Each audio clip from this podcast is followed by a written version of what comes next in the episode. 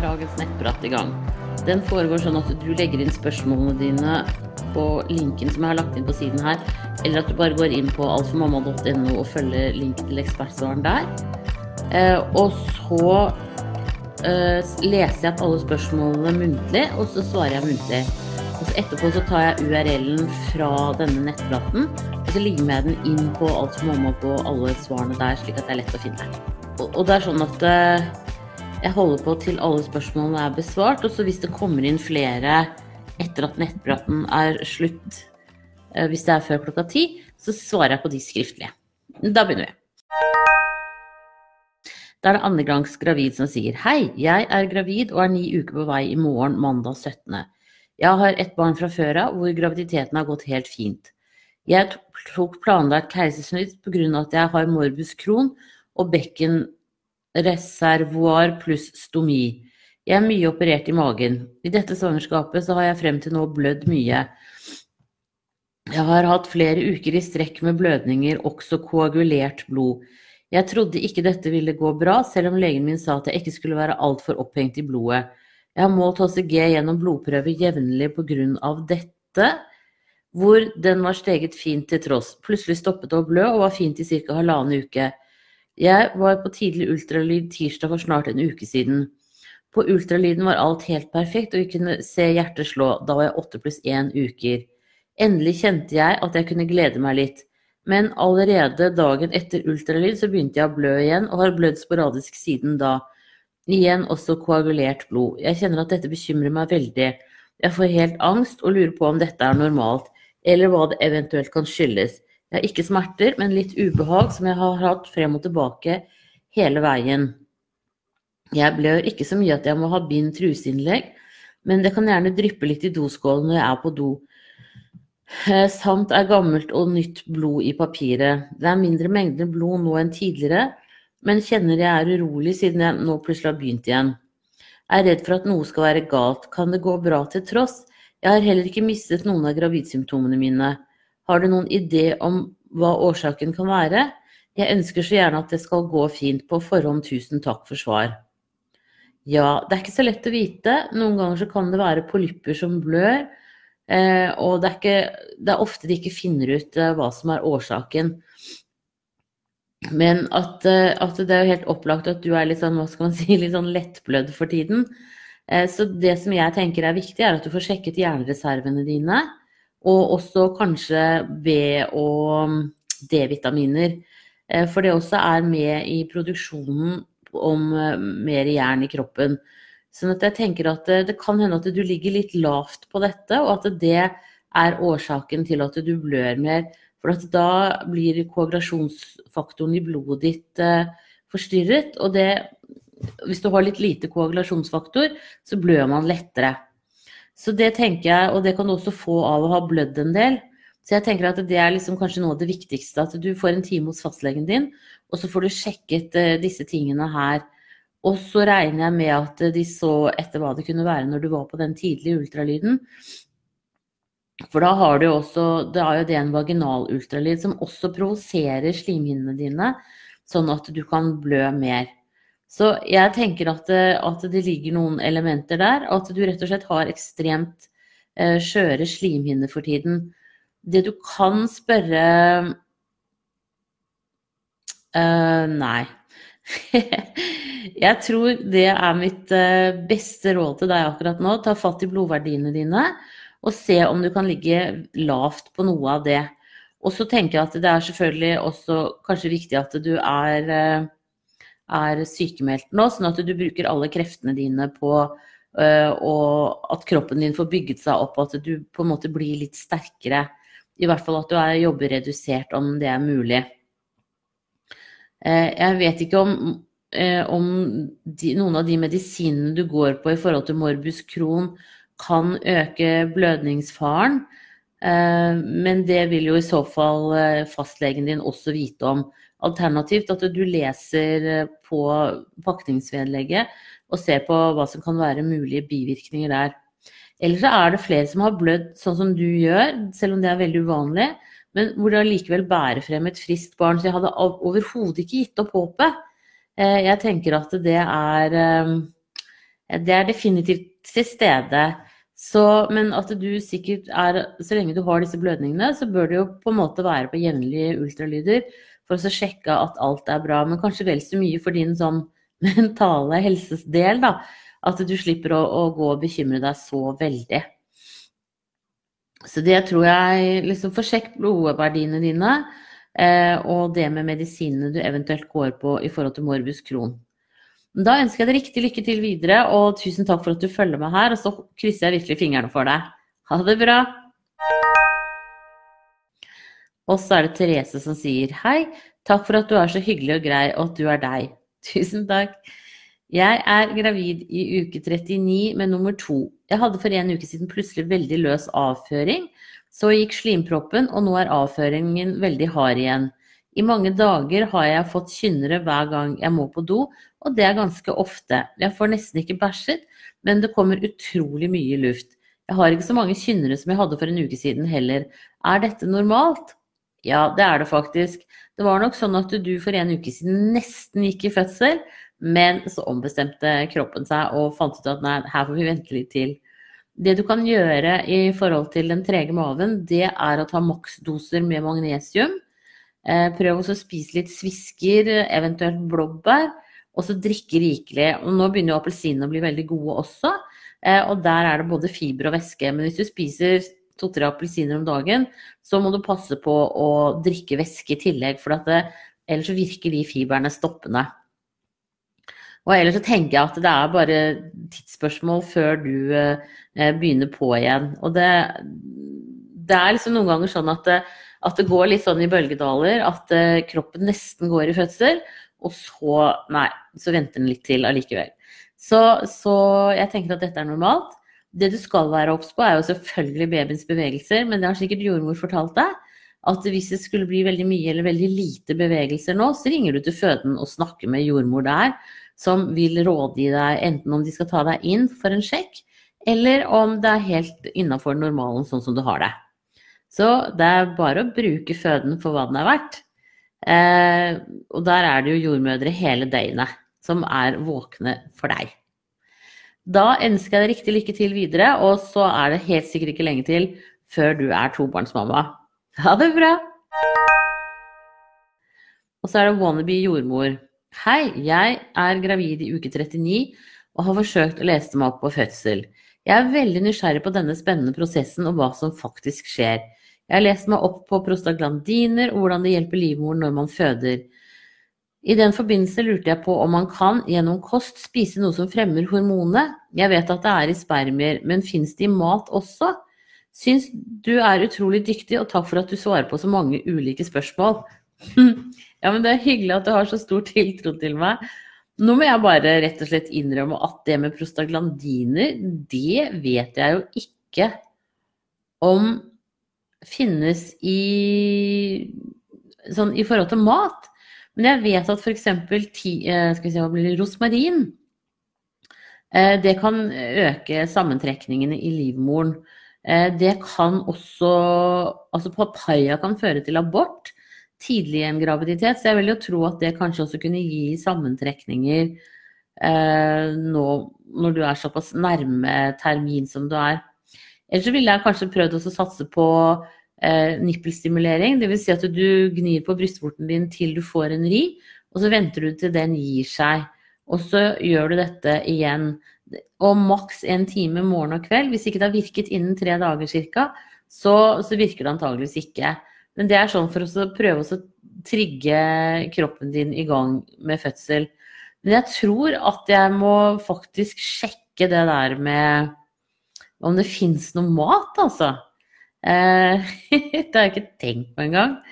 Eh, men, eh, men det definitivt Det går an å prøve sånn som rosmarin og sånn, da. Men ellers så kommer nok babyen når den er klar. Det som kan være lurt, det er å gå tur litt, i litt sånn ulendt terreng i skog og sånn. Fordi at da beveger du bekkenet på en sånn måte at hodet lirker seg enda lenger ned. Og det, hodet er jo med på å trykke fra innersiden eh, for, mot mormunnen for å få i gang fødselen. Så alle sånne ting er bra også. eventuelt sett på noe musikk som du liker, og dans og hopp og sprett litt. Og eh, man hopper og spretter ikke så veldig, men sånn litt, da. Eh, så kan det også være positivt i forhold til å sette i gang fødselen. Jeg får ta også lese meg opp litt på dette her med, med kosten. Det er en nettside som heter rolv, R-O-L-V.no, som er knallbra på urter og planter og sånn. Det kan hende at det står noe om det der. Eh, men ellers så jeg skal, jeg skal, se om jeg greier å google frem etterpå. Det var et spennende spørsmål. Um, og hvis du har lyst til å bli jordmor, så kan jeg bare anbefale det. Det er det beste yrket i hele verden, faktisk. da ønsker jeg deg riktig lykke til videre, og tusen takk for at du følger meg her. Ha det bra! Og så er det feriepenger som tror jeg det skal stå. Hei, hei, god mandag. Lurer litt på hvor lenge i forkant av termin det er hensiktsmessig å reise på ferie. Har termin 15.8. og barnefaren har kun ferie i fellesferien. Vi er ganske så spontant av oss, bor i Stavanger. Så er vel bestemt på Kristiansand til Danmark, og kanskje kjøre over til Tyskland, Frankrike. Men har født i uke 38, nummer to, og dagen før på termin på nummer én. Og nå er nummer to bare åtte måneder enda, så vet ikke om det har noe å si. Med to raske svangerskap etter hverandre, om jeg kan føde raskere tidligere da. Hæ? Nei, jeg ville jo tenkt at du kanskje kan uh, føde litt tidligere heller enn seint. Uh, det er veldig vanskelig å si. Det er liksom stressfaktorer og, og, sånne ting har litt å si for fødsel. Selv om man kanskje ikke alltid tenker det. Uh, men det er liksom jeg vet hva, Det er veldig veldig vanskelig å si. Jeg ville vel kanskje ikke satt meg i bil og kjørt til Tyskland og Frankrike i hvert fall uten å ha plotta inn hvor eh, sykehusene er. Og at du har med deg alle papirer som viser blodtype, graviditet, eh, eh, eventuelt smittestatus i forhold til hepatitt og, og sånne ting. Um, en annen ting er vel at hvis du da har vært innom et sykehus i et av de landene og kommer hjem for å føde, så må du ta MRSA-tester og sånn her hjemme. Eh, eller så blir du behandlet som smitte. Og det er jo helt greit å bli behandlet som smitte, det er bare litt stusslig. For da eh, må du være på rommet ditt hele tiden, og jordmor kommer til å se ut som en marsboer, sånn som du ser det er i Kina nå. Eh, hvor de er liksom med ganske sånn heldekkende utstyr på seg. Så jeg tenker vel det er jo altså jeg, jeg tror fødselstilbudet er like bra i Danmark, Tyskland og Frankrike som det er i Norge. Men eh, med mindre du snakker tysk eller fransk, så kan du risikere å eh, føde på et annet språk, eller hva man skal si. Eh, og det også kan jo være litt sånn eh, litt eh, kinkig. Så, så, jeg tenker at jeg hadde vel kanskje i den fellesferien her holdt meg til Kristiansand eller, eller Dam... Ja, altså Norge, egentlig. Um, også litt sånn der fordi at uh, hvem skal passe barna hvis dere er på ferie og du går i fødsel? Og fellesferien er jo de tre første ukene i juli. Ja, ja. ja nei, så det er jo på en måte nesten en måned før du har termin, da. Uh, ja. Nei, vet du hva. Jeg foreslår, siden du sier at dere er veldig spontane, følg med på kynneraktiviteten din. Eh, og hør med jordmor når du kommer ut i juni om hvordan du har det. Eh, er det rolig og sånn, så er det klart at det da, da, kan man jo dra litt mer på tur. Um, en annen ting er vel det å kjøre med en som er drøyt ett år i bil, uh, kan også være litt slitsomt, tenker jeg. Bedre å satse på kanskje hvert permanent et sted hvor, uh, hvor dere har litt mer muligheter for å komme nedpå alle sammen. Men det må jo dere se på i forhold til hva slags eh, familie dere er. Men da Jeg tenker vel at jeg kanskje hadde tatt det med ro i Norge. Eh, leid en hytte eller campinghytte eller besøkt eh, familie, venner, sånn at dere på en måte eh, får tatt det litt med ro, da. Men eh, ja, det blir spennende å høre. Da ønsker jeg deg riktig lykke til videre, og tusen takk for at du følger med her. Ha det bra! Og så er det A som sier hei, vi har planer om å snart begynne å prøve. Jeg fikk nylig et brev fra sykehuset, går til behandling som ikke er i sammenheng med graviditetsprøving, hvor det sto at jeg har svært lav vitamin D21 og folsyre 5,5. Dette er jo verdier jeg burde få kontroll på før vi starter prøvinga. Jeg startet med Nyco pluss gravid før jeg fikk svar på blodprøvene for å gjøre meg klar til å starte. Så mitt spørsmål er, hva burde verdiene være på før vi starter å prøve? tenker siden man gjerne skal ha tatt forlat en stund før man starter prøvingen, så burde vel verdiene mine være en god del høyere før vi starter. Ja, det her er det helt sikkert bare å ta Altså nå er det jo folsyre i Nyco pluss gravid, sånn at da får du i deg folsyre, så det er helt greit. Det skal man helst ta i tre måneder eh, før man blir gravid. Eh, og D-vitaminer er litt usikker på hvor raskt stiger, men nå er vi jo liksom på vei ut av mørketiden og sånn, og da får du jo mer eh, sol på kroppen. Så jeg tenker at eh, har du mulighet nå når det er sol, så still deg med ansiktet i sola og sug til deg de D-vitaminene som finnes naturlig. Eh, og så kan du eh, også ta et tilskudd av det i tillegg til de D-vitaminene som er i, eh, i eh, det gravidetilskuddet du tar. Du kan godt være oppi 80 mikrogram D-vitaminer om dagen. Det går helt fint. Så D-vitamin finnes både i 40 og 80 milligrams doser. Så se hva du trenger for å, å, komme opp i det i tillegg til det du allerede tar.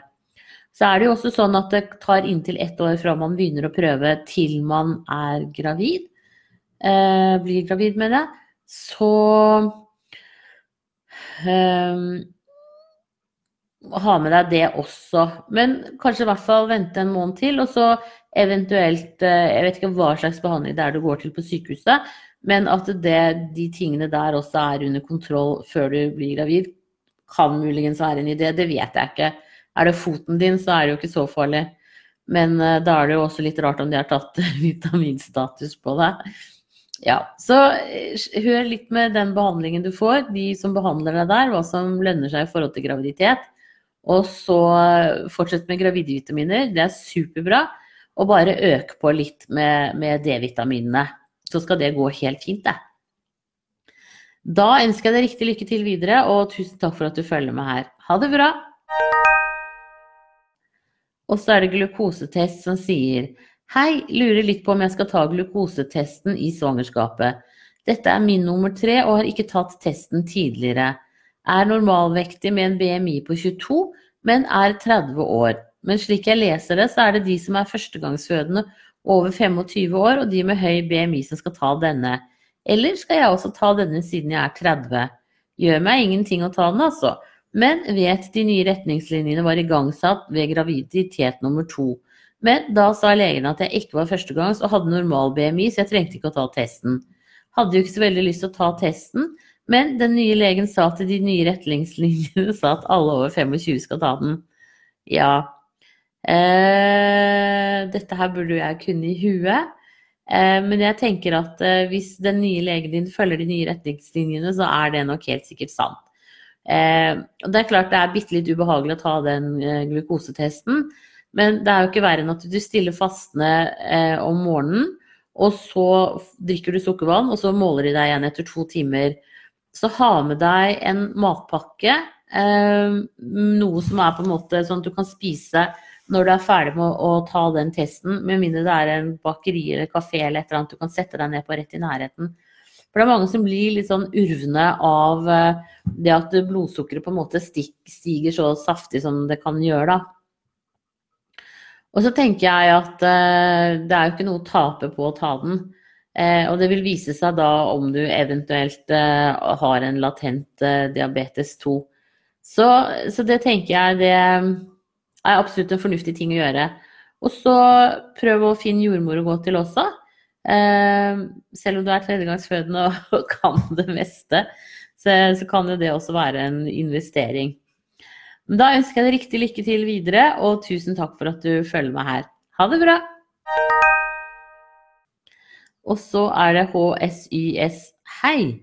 Hvor kritisk er luen på en seks uker gammel baby hvis han ligger, eller hen ligger i bioposer som går tett rundt hodet, i bilsettet når hen bæres ut i bilen? Vår baby hater lue og er svært varm av seg, så noen ganger har vi rett og slett droppet luen. Jeg er redd for at det kan være skadelig, og er derfor nå veldig bekymret. På forhånd takk for svar. Nei, jeg tror dere gjør akkurat det riktige. Den luen trenger ikke å være på. Hvis babyen er veldig varm, så er jo ikke det noe problem i det hele tatt. Eh, og særlig hvis du har en sånn, jeg vet ikke helt hva en biopose er, men en pose som liksom følger helt tett inntil, så, så er det plenty nok, det altså. Det eneste jeg skal være litt obs på, er at hvis det blåser veldig ute, og dere skal gå tur, så kan det jo være greit å ha noe som eh, holder vinden ute. Men en seks uker gammel baby er, sitter jo ikke oppe i luften. Så jeg tenker at det går helt fint å bare bruke posen som eh, lue nå. Det er kanskje mer eh, om noen måneder Eh, men da er det også varmere i været, så da er det ikke så farlig med huet. Men det er liksom det med trekk inn på øret som kan være litt sånn dumt. Eh, men da kan man jo bare ha Bør ikke være en varm lue, ikke sant, men bare en vindtett lue. Men sånn som dere gjør det nå, helt perfekt. En vindtett lue trenger ikke før de um, sitter i vogna. Så da tenker jeg du gjør akkurat det som er riktig, og det er superbra. Da ønsker jeg deg riktig lykke til videre, og tusen takk for at du følger meg her. Ha det bra! Og så er det kystvaktkone som sier Hei, Siri. Et litt generelt spørsmål, men jeg håper du kan svare likevel. Jeg er gravid i uke 29 med tredjemann og har begynt å tenke på fødsel. Førstemann tok lang tid og ble tatt med vakuum. Andremann var styrtfødsel. Nå er jeg i den situasjon at jeg har en time til nærmeste fødested denne gangen. Så over til spørsmålet. Jordmor sier tredjemann kan være en luring, og at fødselen kan sette i gang for så å stoppe, og gjerne flere ganger. Hun mener jeg bør dra inn til fødeavdelingen med en gang jeg kjenner noe, med tanke på sist fødsel. Men hva om jeg kommer inn der et par-tre ganger uten å føde?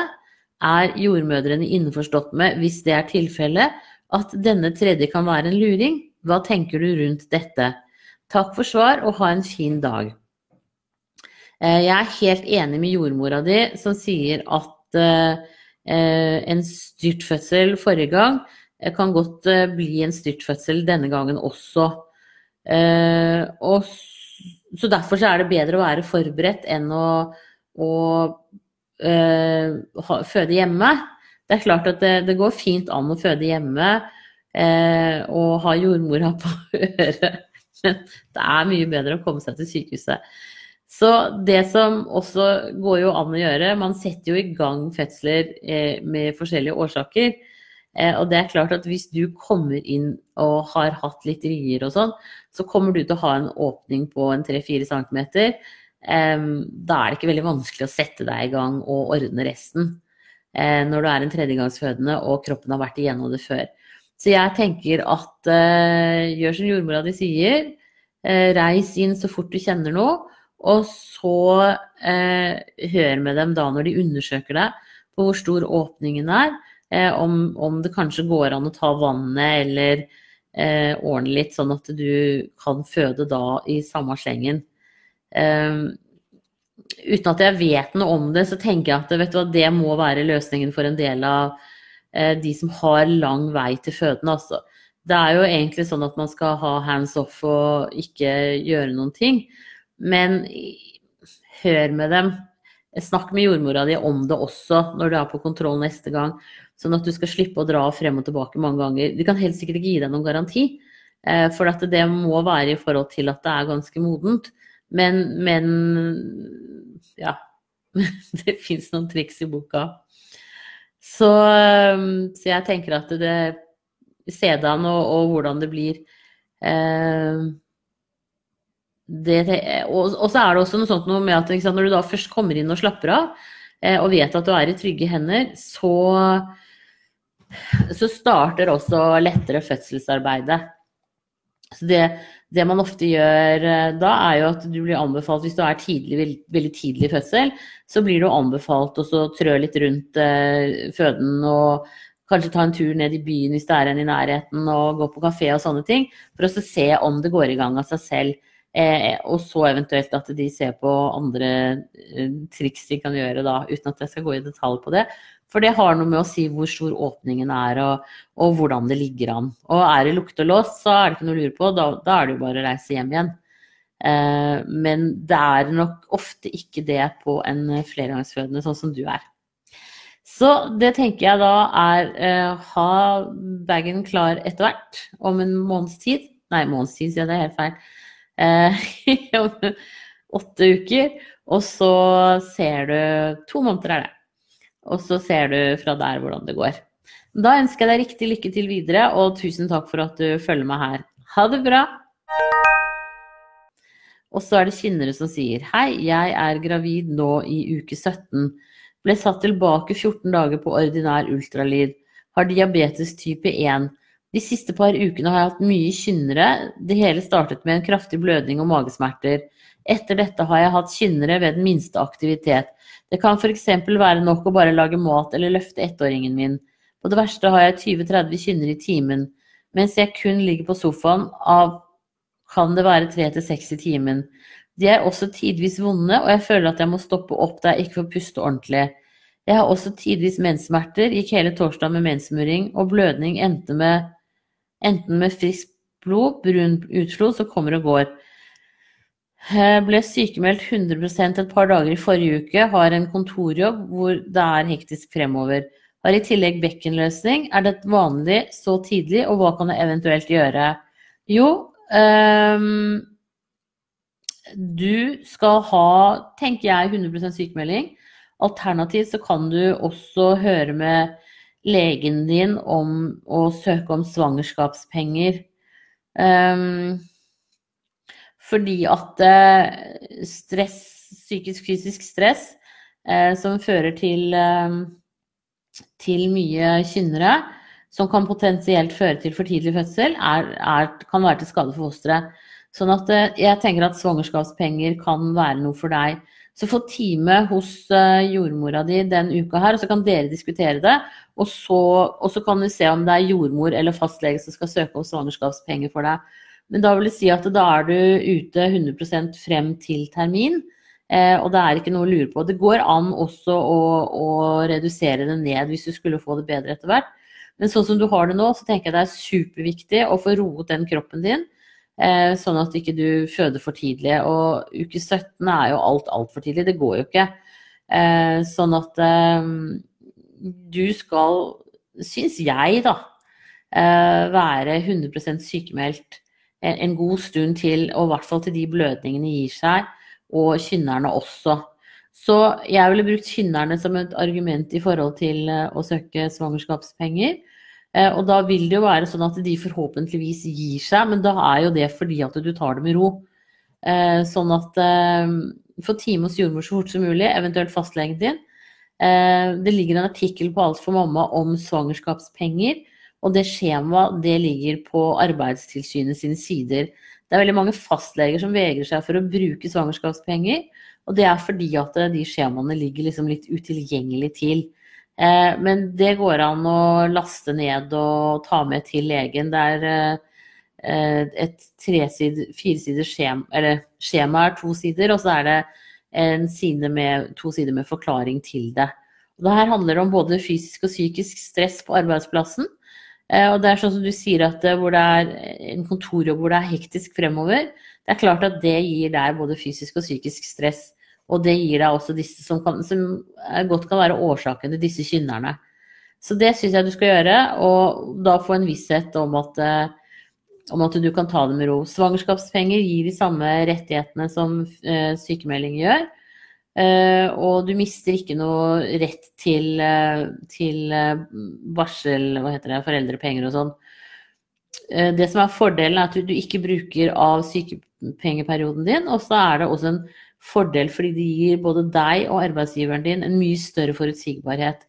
Det at du er ute helt frem til termin er genialt, for da slipper man å gå og få ny sykemelding hver 14. dag. og Eh, for arbeidsgiveren din så gjør jo det at vedkommende kan eh, hyre inn en vikar for deg med god samvittighet. Så eh, jordmor, fastlege nå, en av de første dagene, ikke vær på jobben.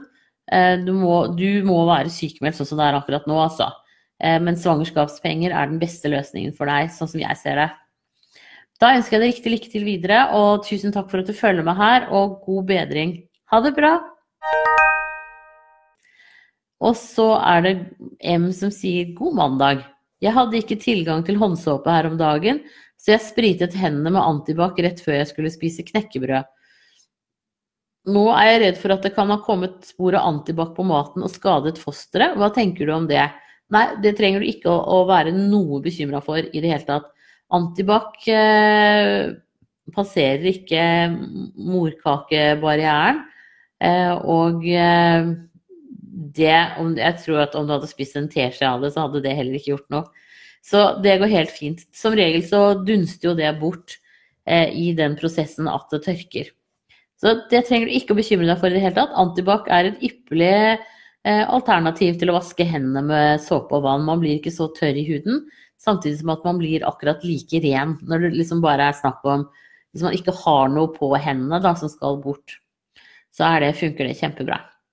Da ønsker jeg deg riktig lykke til videre, og tusen takk for at du følger meg her. Ha det bra!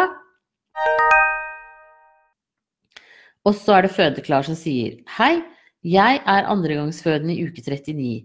Jeg har forsøkt å sette meg litt inn i fødestillinger og sett på ulemper og fordeler med dem.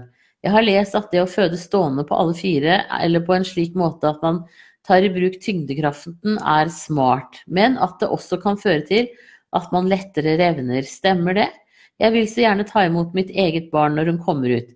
Hvilken stilling egner seg best til dette? Kan man eventuelt stå på alle fire på gulvet, eller må man stå i sengen? Du er super. På forhånd, takk for svar. takk for ros. Eh, nei, du kan stå på alle fire i sengen, eh, f.eks. Det går helt fint. Um, men det, det, kan du prøve deg frem litt med sammen med jordmor. Eh, når du liksom stykke, sånn når du kommer inn for å føde. Eh, for det har jo også litt å si med hvordan du er, opplever deg i kroppen. Eh, og hvor stor maven er og, og, sånne ting. Hva som er det aller, aller beste. Men det å, å, stå på kne i sengen, hvor du på en måte henger over eh, overkroppen til mannen din eller kjæresten din, det kan være en løsning. Det kan også være en løsning å stå med prekestol. Så her er det, her er det flere muligheter jeg tror ikke at man egentlig revner noe lettere eh, selv om man står. Eh, sånn er det ikke nødvendigvis. Men det kan være litt mer kronglete for jordmor å, å støtte eh, perineum.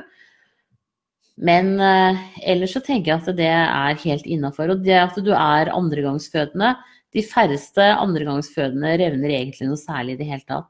Så eh, prøv dette. Og så um, prøv liksom forskjellige stillinger når du kommer inn for å føde.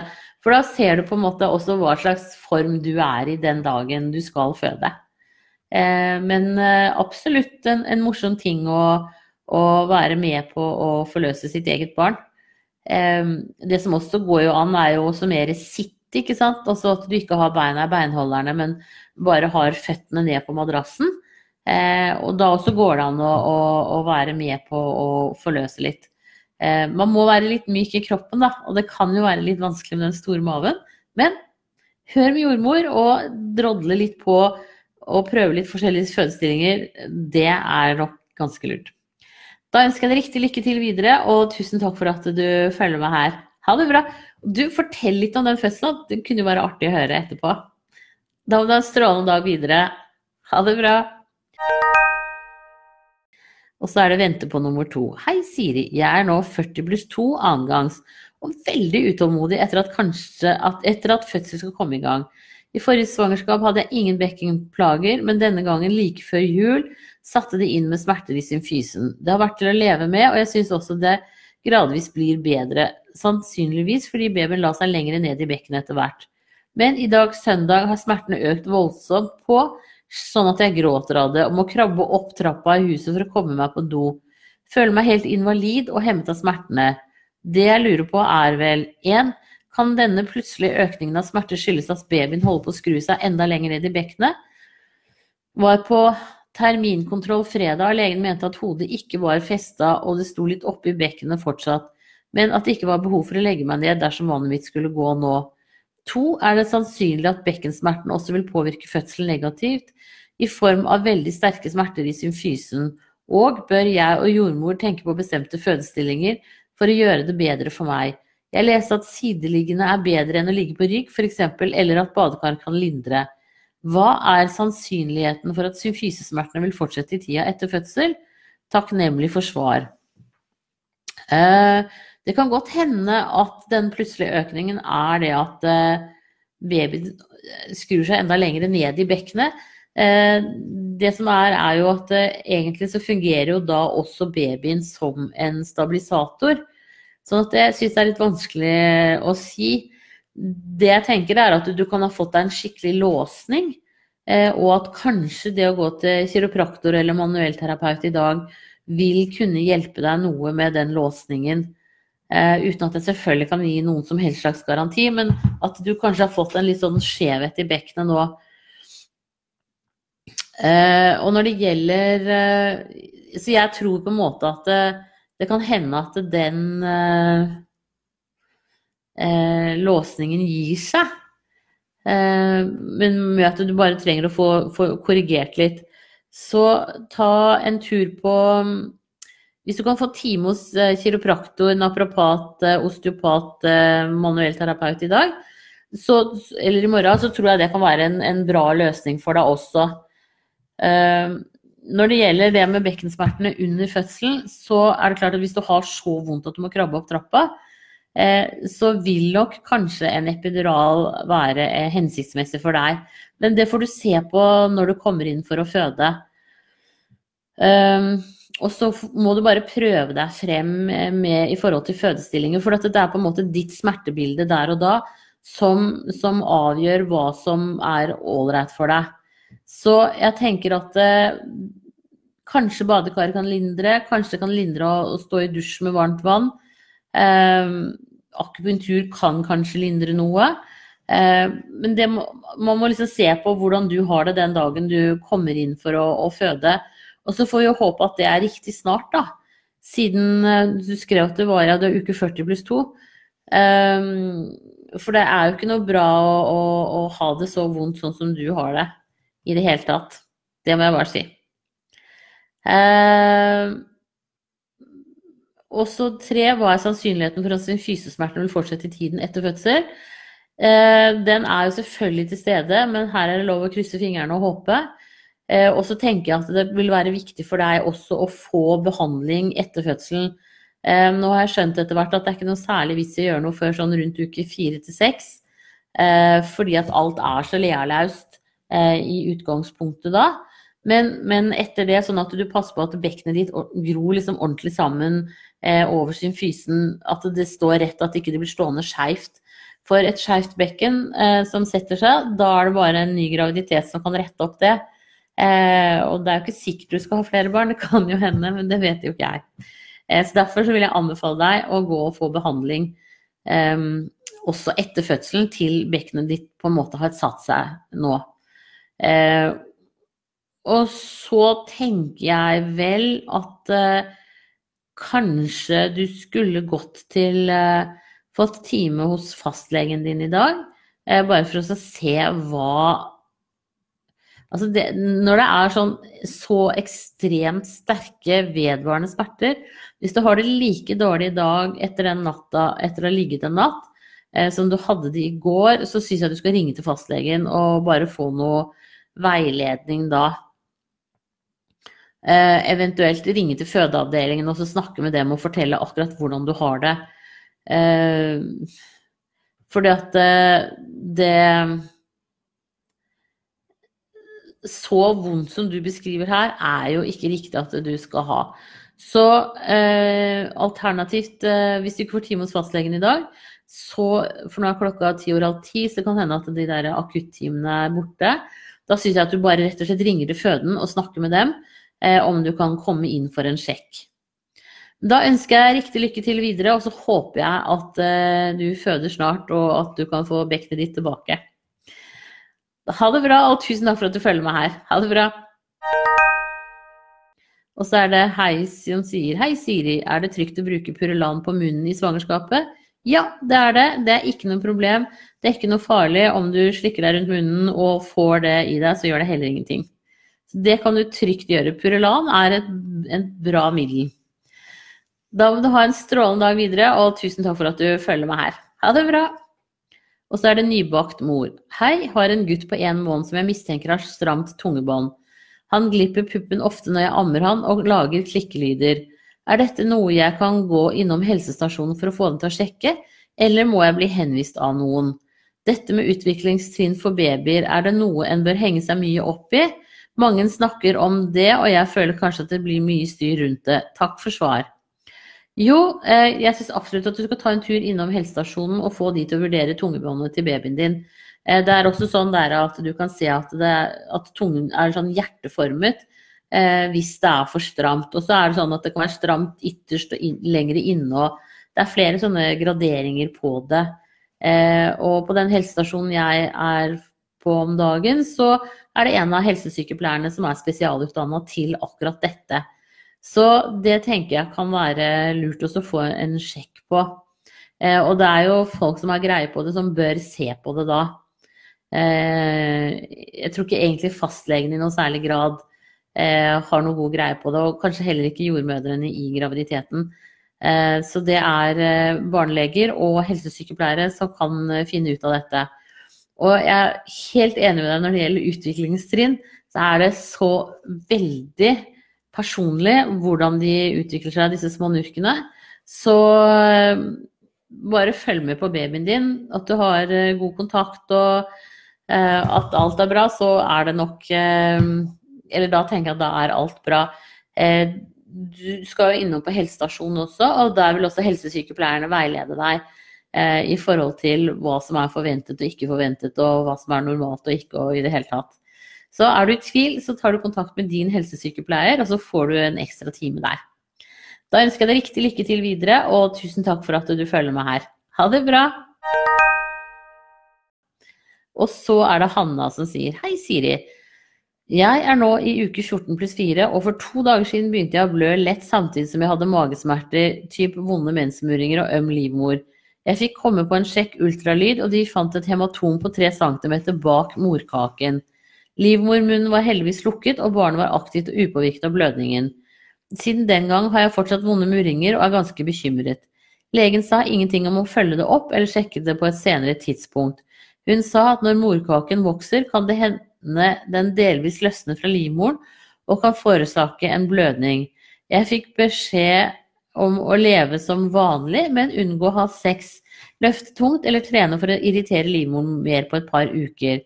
Jeg syns det er mer ubehagelig i magen når jeg står og gjør noe, mindre når jeg holder meg i ro. Uh, er det farlig? Syns det høres forferdelig skummelt ut, hele greia.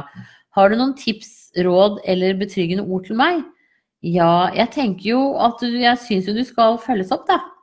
Uh, sånn også bare for å se hvordan det går. Og at du uh, Men jeg, altså dette her, dette her er ikke mitt fagfelt. Men jeg tenker at du bør ha vært hos en gynekolog i hvert fall. Eh, og få sjekka det. Mm, nå er jeg kanskje frekk, men jeg tror ikke fastlegene har nok greie på dette her. Eh, sånn at eh, jeg tenker at, eh, at, du kan kanskje gå tilbake og få en sjekk om en tre-fire uker. Eh, for å se hvordan det går. Nå kan du jo ikke gjøre noe fra eller til. Så sånn sett så, så ser jeg jo det at, eh, at, du ikke blir innkalt til noen ny sjekk på én måte. Um, men min erfaring er at det er en del som har sånne blødninger rundt omkring i, rundt livmoren og mormunnen og og sånn, og at det allikevel går helt fint. At kroppen på en måte absorberer eh, blodet, men at det går noen uker før den greier å gjøre det. Eh, og derfor så vil det være normalt at du er litt øm og, og har litt murringer. For blod er jo et fremmedlegeme i livmoren din akkurat nå. Eh, og at eh, derfor så vil den bli, som du sier, sånn irritert, da. Så, det er helt normalt. Men hør om ikke du kan få en ny ultralyd om tre-fire uker, og så se om ikke det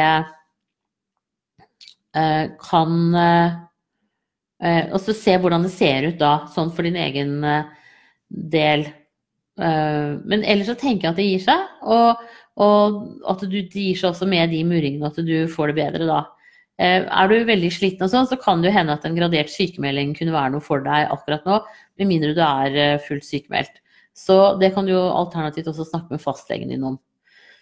Da ønsker jeg deg riktig lykke til videre, og vi satser på at, at den kroppen din ordner opp og absorberer det blodet sånn at du får det bedre igjen. Da må du ha en strålende dag videre, og tusen takk for at du følger med her. Ha det bra! Og så er det bekymret som sier hvem kontakter man om man begynner å blø i uke 15 til 16? Eh, og når skal man egentlig kontakte helsepersonell i forhold til blødning? Vet det kan være helt normalt, men det vet man jo ikke.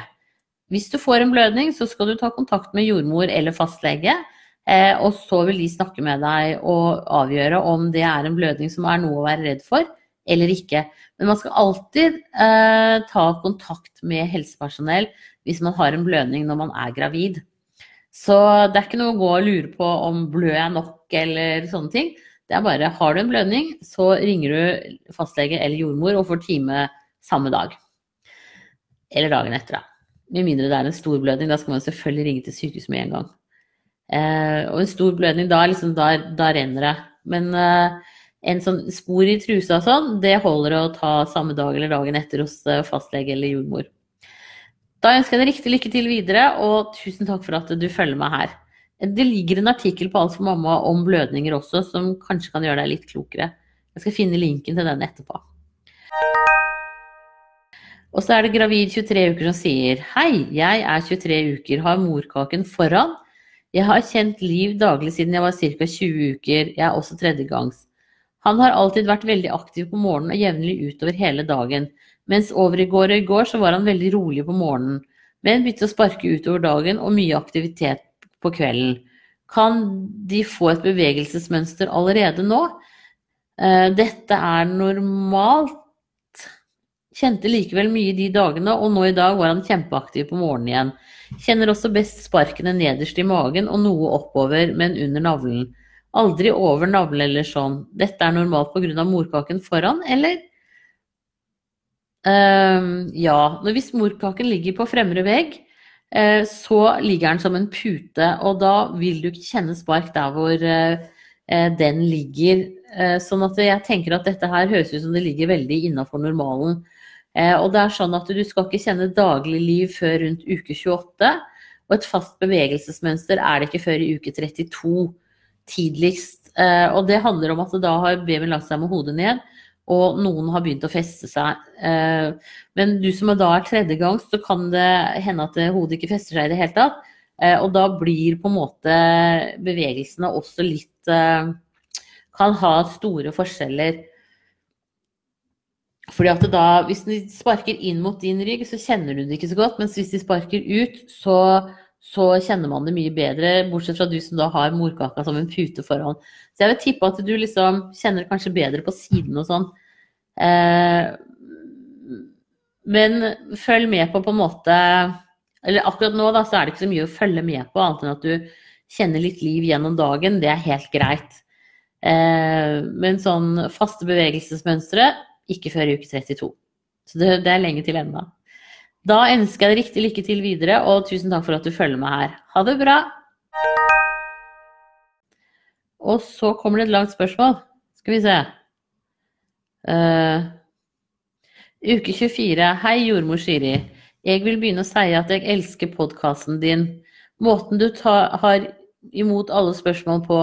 Jeg opplever at du har en sånn genuin varme og bryr deg om hver enkelt. Det er rett og slett ei fryd å høre på, og det føles som jeg får et fellesskap med andre gravide mens jeg tar til meg kunnskap. Blir litt tryggere og litt klokere for hver episode. Ja, men så hyggelig, da. Det var ordentlig hyggelig å høre. Tusen takk. Jeg er gravid med første i veke 24 pluss 5, og jeg er 31 år. Har vært utrolig heldig med graviditeten til nå, og fått ei fantastisk jordmor. På neste kontroll skal jeg ha med meg samboeren.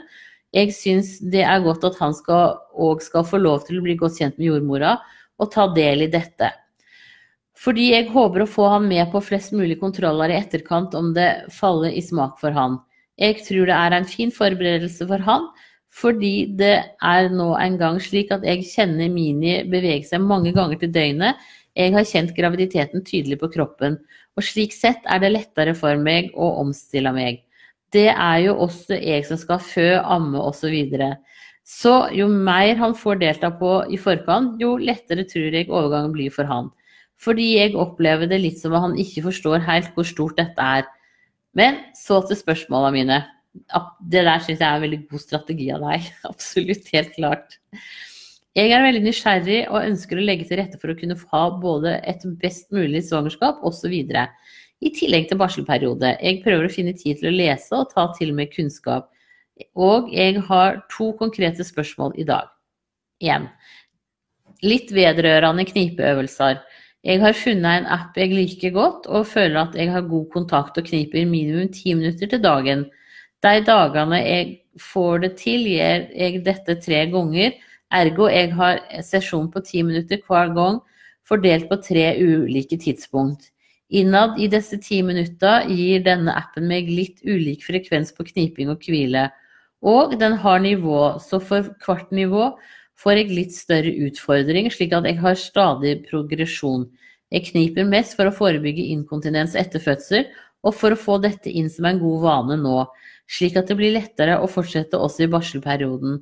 Men jeg har begynt å tenke på om dette kan gjøre at bekkenbunnsmusklene mine kan bli for stramme, slik at fødselen kan bli hardere enn nødvendig. Grunnen til at jeg spør, er at jeg vet generelt fra gymteorien at jo sterkere en muskel er, jo kortere blir den som du ikke, om, som du ikke tøyer ut. Jeg veit ikke hvordan jeg eventuelt skal tøye bekkenbunnsmuskulaturen. Jeg passer godt på å slappe av i pausene når jeg kniper, fordi jeg vet at dette er viktig. Men utover det kjenner jeg at jeg håper at all denne knipinga ikke vil ødelegge for meg. Hva er dine tanker rundt dette? Har du hørt noe slikt? Mm, jeg tror jeg bare svarer på det spørsmålet først, jeg. Um, jeg har ikke hørt noe at det går an å ha knepet for mye, liksom.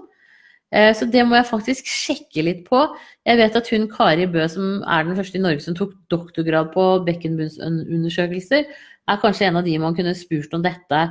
Uh, så jeg, skal sjekke litt rundt, og så skal jeg legge inn et skriftlig svar når jeg eh, har funnet ut litt mer. Det kan ta noen timer, det altså, men eh, skal, du skal få svar.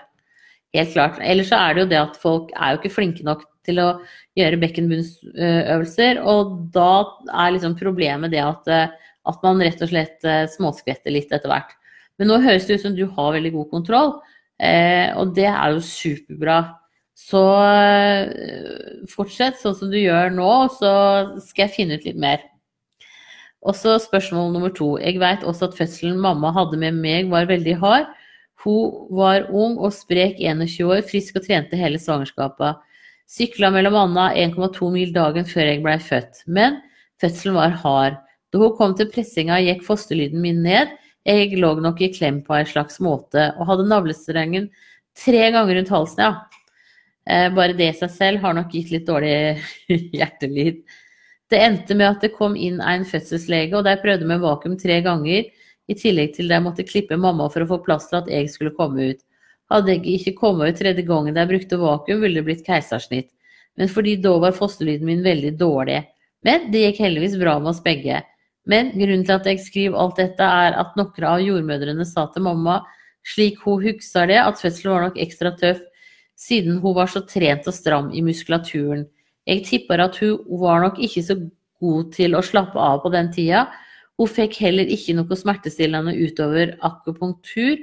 Og i 1988, da jeg ble født, var de nok gode, nok ikke så gode på det. Hun sa i alle fall at det gjorde enda mer vondt. Spørsmålet mitt er, kan det stemme at fødselen kan bli hardere om man er godt trent? Jeg ville trodd at det var omvendt. Jeg liker å trene sjøl, og håper å være i form til å trene hele svangerskapet. Jeg gir også litt gravideyoga, og er nok kanskje mer fokusert på avspenning enn mamma var i en alder av 21. Pluss at jeg helt sikkert har lest mye mer enn henne. Informasjonen er jo mye lettere tilgjengelig i dag. Vi veit mer, og som doktorgradsstipendiat innen helse, så er det nok også mye lettere for meg å ta til meg kunnskap om fødsel og svangerskap. Hva tenker du om dette med trening i forbindelse med fødsel? Jeg vil jo helst både være sterk, ha god utholdenhet og være fleksibel i forbindelse med fødsel, samtidig som jeg helst vil gjøre, vil gjøre den type trening som ikke vil gjøre fødselen min tyngre enn nødvendig. Uh, ja, svar, jeg svarer på det også underveis her. Vet du hva, det, er, det var Altså, jeg ble jo utdanna rundt 88 som jordmor, og da var det liksom en sånn oppfatning av at uh, de som var godt trente, de fødte De var for stramme nedentil. Det har jeg aldri hørt etterpå. Og på den tiden der så var det jo ikke vanlig at folk trente så mye, sånn som det er mye mer vanlig nå, da. Uh, og mye mer sånn allmenn akseptert at det er noe man gjør. Så jeg tror egentlig at det med å være overtrent, det, eh, at det skal være en fødselshindring, det tror jeg egentlig bare er eh, gammel overtro. Eh, hvis jeg skal være helt ærlig. Så jeg tenker at fortsett å trene sånn som du gjør. Og det at moren din var så godt trent, at det var årsak til at det ble vakuum, det er jo bare tull. For dette, når navlesnoren er tre ganger rundt halsen, så kan du tenke deg en snitt navlesnor er ca. 50 cm lang. Når den ligger rundt halsen, da, så bruker du jo opp eh, mellom 15 og 20 cm på hver snurr. Eh, og da, når du da i tillegg liksom skal ned i bekkenet, og så får du et veldig drag på den navlesnoren, eh, og det var det som ga deg dårlig hjertelyd. Ikke, det var ikke, noe, var ikke noe andre sammenhenger enn akkurat det. Tenker jeg, da. Eh, nå var jo ikke jeg der på den fødselen, men, men det var en del sånn derre Det er jo innimellom noen sånne myter som vi henger oss opp i, som på en måte øh, ja, som, Som en måte henger ved. Sånn at det, det Jeg tenker at det er eh, årsaken her, altså. Eh, skal vi se Så derfor så tenker jeg at jeg er helt enig med deg i det å, å være i sprek og i litt god form er mye bedre enn, eh, enn å ikke være i form i det hele tatt. Så fortsett akkurat sånn som du har gjort det nå. Det tror jeg funker kjempebra. Men jeg skal, jeg skal sjekke litt mer med det med bekkenbunnen og om det går an å bli for stram. Jeg tror ikke egentlig det, men jeg skal sjekke det. Og så er det spørsmål nummer tre. Hva tid anbefaler du å smøre mellomkjøttet perineum med olje i forkant av fødselen, for å kanskje redusere risikoen for revning litt? Jeg har hørt at noen anbefaler å begynne veke uke 34, 35, 36.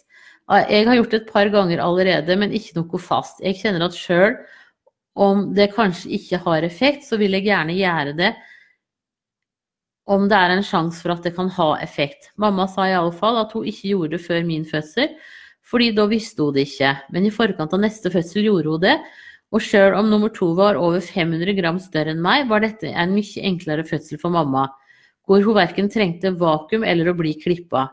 Her er det sikkert mange ting som spiller inn, men hvor ofte bør jeg eventuelt smøre meg, og når er det lurt å begynne? Tusen takk for at du tok deg tid til å lese alt dette. Skal vi se, du sier at du er i uke 24 nå. Du kan godt uh, begynne å smøre deg perineum nå uh, med sånn olje. Jeg tror Veleda har en sånn fødselsforberedende olje som er fin å bruke. Og da er jo det urter i den som gjør at eh, vevet blir mer elastisk. Så kan du også drikke bringebærbladte, en kopp om dagen, som er med på å styrke muskulaturen eh, i livmoren og også bindevevet eh, i perineum. Så det kan også være kjekt å, å prøve. Eh, og så er det jo ofte sånn at man ikke behøver å bli klippet når man har født tidligere, men at eh, Eh, at man kan få en liten revne eller klipp eh, når man er førstegangsfødende, det kan nok skje oftere da. Eh, så Så ja. Så vær forberedt på at du, du, i hvert fall kanskje får noen sting. Hvis du ikke gjør det, så er det jo solid bevis på at massasje av perineum og bringebærblad-te, altså det virker. Så det kan jo være kult, da. Eh, skal vi se. Og så har du også et spørsmål til over dette som eh, Jeg skal ta den glukosebelastningstesten på legekontoret siden jeg er førstegangsgravid over 25. Jeg er jo 31. Jeg normal, jeg var normalvektig da jeg ble gravid, og er i utgangspunktet ikke bekymra. men hva veit du om de ulike glukoseløsningene som kan kjøpes? Ei på jobben anbefalte flytende glukose på apoteket, fordi denne var visst mindre kvalmende enn det glukosepulveret. Jeg har, in har ingen legetimer før testen og er litt i tvil om hva jeg skal kjøpe. Legen sa bare at jeg skulle gå på apoteket og spørre, så det vil jeg gjøre. Men om du veit noe om det, så kunne det også vært interessant. Hun på jobben sa at om jeg, vil, om jeg ville ha pulveret, ville hun også hatt med sitronsaft å ha oppi. Men jeg er redd for at dette vil gjøre at målingene ikke blir nøyaktig. Veit du noe om dette? Nei, vet du hva, det kan jeg ingenting om. Jeg trodde det var sånn at eh, alle fikk eh, den ferdigblanda glukosebelastningen, eller glukosevannet på enten på laboratoriet eller hos fastlegen. Eh, nå er det vel også noen helsestasjoner hvor jordmødrene gjør det etter hvert. Jeg trodde det var sånn at man fikk det der. Så så uinformert er jeg, da. Eh, men du kan jo ta med litt sitron og så spørre om det er greit at du har oppi. Jeg tror ikke det skulle ha noe å si, men eh, det kan jeg heller ikke nok om. Um, men det som jeg pleier å anbefale folk, da, det er at de har med seg en matpakke, sånn at du på en måte får uh, spist litt etterpå. Sånn at du får et mer stab... Altså du kommer deg mer til hektene. For at det, uh, man ut, Du får jo et høyt blodsukker av å drikke det Eller høyere blodsukker, da. Av å drikke den glukosebelastningen. Um, men du kan jo høre med jordmor eventuelt om hun har noe bedre greie på det der du bor. Jeg beklager at jeg ikke kan gi noe sånn veldig godt svar der, altså. Uh, mm, nei, det kan jeg dessverre ikke svare noe bedre på. Uh, men det er jo interessant. Du, du kan spørre inn på Alt for mamma på Litt om alt-forumet om hva slags erfaring folk har med den forskjellige type glukosebelastningen. Uh, det kan jo være litt ålreit å, å, høre med, om det er noen som har svar der. Eh, og så kan jeg også legge det ut på, på Facebook og tise, teasen der, og så høre. Men tusen takk for flotte spørsmål, og så må du ha riktig, riktig lykke til videre. Og så skal jeg komme tilbake med dette her med litt eh, om bekkenbunnen kan bli trent for hardt eller ikke. Eh, og lykke til med glukosebelastningen også. Ha det bra! Og så er det Astrid som sier Hei, jeg har et spørsmål angående hodeformen til barnet mitt. Han har et hode som er litt mer avlangt enn rundt, og fått kommentarer på dette fra helsesøster. Bakhodet er markant med en brå overgang ned til nakken, slik at det ser litt mer spist ut. Både hodeomkrets og fontaneller er kontrollert, alt er fint. Legen sa at det kanskje kunne handle om hvordan han hadde ligget i magen min, og at hodeformen muligens var preget av leie i bekkenet. Vet du noe mer om det? Ble litt bekymret med en gang, men har roet meg ettersom barnet mitt virker fornøyd. Følger med på alt og utvikler seg slik han skal. Bare nysgjerrig på om du har noen ytterligere forklaringer på legens innspill. Til info var det en svært rask fødsel. Hodeformen har alltid vært lik siden fødsel til nå, og takk for svar. Eh, nå sier du jo ikke noe mer om hvor gammel han er, da. Eh, men når jeg gikk på jordmorskolen i Bergen, det gjorde veldig inntrykk på meg, så hadde vi en barnelege som het eh, Markestad. Trond Markestad, og han fortalte det at barn som er født prematurt, Eh, kunne, kunne, de, de, lå jo ofte Nå er de jo blitt flinkere med hvordan de legger dem, men de lå jo ofte fra side til side. Og da ble liksom hodeformen litt sånn smalere. Og han sa det at det kunne godt holde seg helt til de eh, kom, begynte på skolen, og så liksom utviklet det seg litt mer etter hvert. Så, så, jeg tenker at det med at uh, han kan ha ligget uh, litt spesielt i bekkenet, Eh, kan godt være forklaringen på dette. Og siden du har fått sjekket fontaneller og, og hodeomkrets, og det er normalt, så tenker jeg at da er det innenfor normalen. Eh, og så kan man jo også begynne å se, gå litt bakover i, i, slekta på begge sider og se om det er noen som har hatt en lignende hodefasong. Eh, for det kan jo også være litt genetisk. Så, så, så, det kan man faktisk også ta en titt på, altså. Her er vi jo veldig forskjellige. Eh, så det kan ha vært noen eh, litt gamle gener som har tikket inn på et eller annet vis her. Da, så jeg tenker at du kan bare slappe av på det. Når det er sjekket og alt er normalt, så er det helt greit. Da ønsker jeg deg riktig lykke til videre, og tusen takk for at du følger med her. Ha det bra! Og så er det 23 som sier Hei, er 23 uker på vei og har en overenergisk hund som noen ganger springer over magen min. Vi tillater ikke dette, men får ikke alltid avverget. Kan dette være potensielt skadelig for babyen, eller ligger hun godt beskyttet der inne?